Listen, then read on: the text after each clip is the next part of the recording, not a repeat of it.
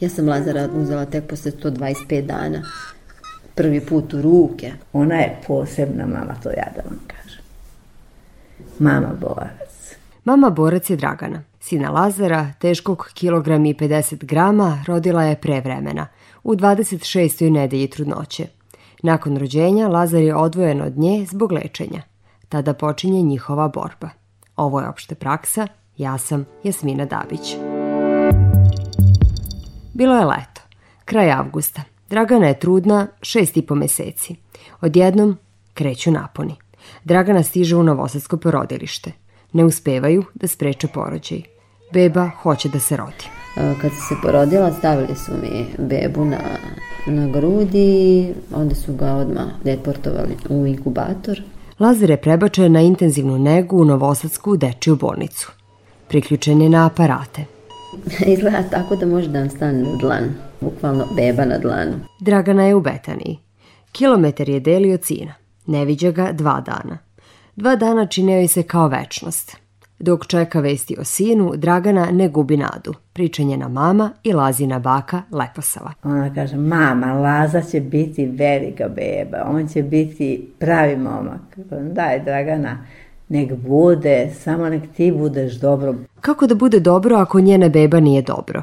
Tako razmišljaju majke. Tako razmišlja i Dragana. A, najteže roditeljima u, u, u tom momentu je a, da budeš trpljiv i ta neizvesnost. Došao je i taj dan. Dragana napušta porodilište i prelazi u dečiju bolnicu. Konačno će videti sina. Načelnik odeljenja intenzivne nege u bolnici je dr. Slobodan Spasojević. On je mnogo puta prisustovao dirljivom susretu majke i tek rođenog deteta. I zaista je prvi kontakt e, često krajnje emotivan, e, e, povezan sa strahom, zebnjom, nadom. Velika prostorija. U njoj inkubatori, jedan do drugog. Bebama održavaju temperaturu.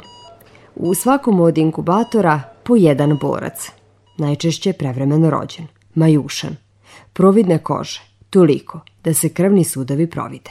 Nije baš neki lep prizor da kažeš, ja super je, ono, kao vidiš bebu ko ročno rođenu bebu, nego je onako poprilično zastrašujuće. Baka Leposava nije čekala da Laza dođe kući. Odlazi u bolnicu da ga vidi. Kroz staklo zagleda svako dete, tražeći svoga unuka. Veruje da će se između njih roditi ljubav na prvi pogled. Tako je i bilo. Ja ne znam ko mi je rekao, ali ja kažem, ovo je moj laz. I ona tako žena. Kaže, pa kako ste znali? A jeste to moj laza, sigurno jeste, kaže, jeste, to je vaš laz.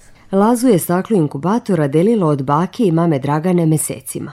Mama ga je uzela u ruke posle 125 dana.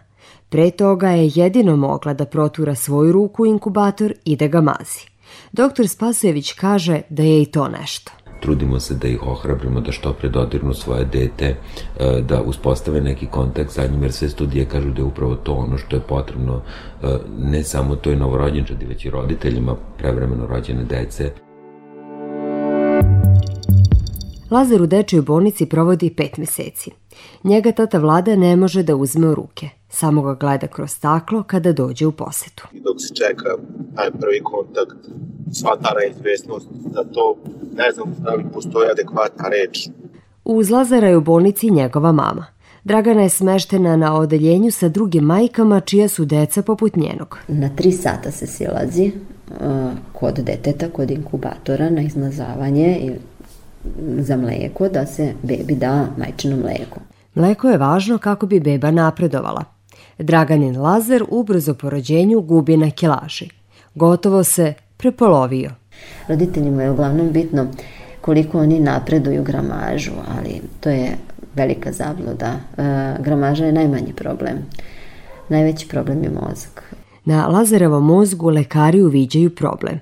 Dva i po meseca posle rođenja i na tom ultrazvuku mozga ovaj, se primetila promena koja je ostavila posledice na našeg sina Lazara.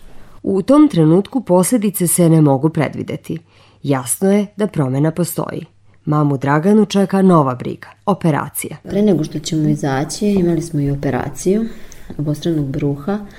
Međutim, pošto Lazije je bilo jako teško da se skine sa kiselnika, to jest da samostalno diše, onda je bilo i visoko rizično operisati takvo dete, jel to totalna anestezija. Trudnoća normalno traje 40 nedelja. Prevremeno rođena beba je ona koja se rodi pre isteka 37. nedelje. Uzroci prevremenog rođenja mogu biti različiti. Dragana sumnja da je postupak van telesne oplodnje uzrok što se njena trudnoća završila pre vremena.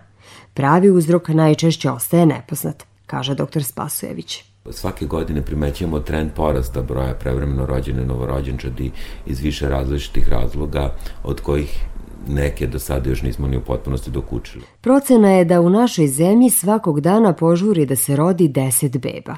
Na sreću nisu sve životno ugrožene. Recimo, skoro svakoga dana imamo jedno životno ugroženo prevremeno rođeno novorođenče e, u Vojvodini. Lazar više nije životno ugrožen. Spreman je da posle pet meseci mesto ustupi nekoj drugoj bebi. Narastao je i lepo napreduje. Stigao je do 3 kilograma. Dobili smo na otpustnoj listi spisak, velik spisak A4 formata, kom, kada lekaru treba da se javiš.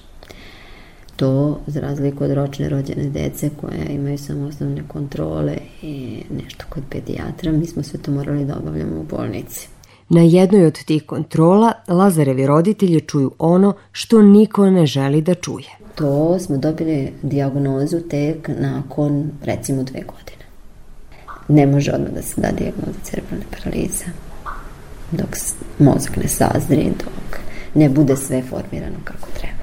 Dečija cerebralna paraliza može biti posljedica prevremenog porođaja, kaže dr. Spasojević.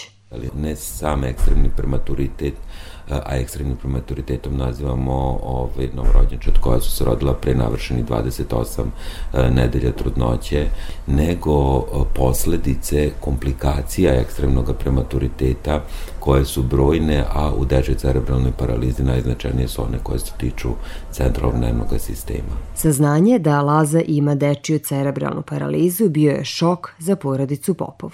U tim trenucima podršku im je pružala Milica – Ona je Draganina dugogodišnja prijateljica. Bila je izgubljena par dana i onda tek malo kad se slegle informacije razmislila je o svemu i rekla je idemo dalje, guramo napred, bit će sve to ok. I borila se svo vrijeme, bori se i dalje. Bori se i Laza.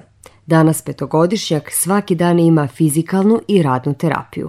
Baka veruje da će Laza ostvariti cilj bio je u sto kriza i sve to prevazišao. Mislim da će pobediti i ovo.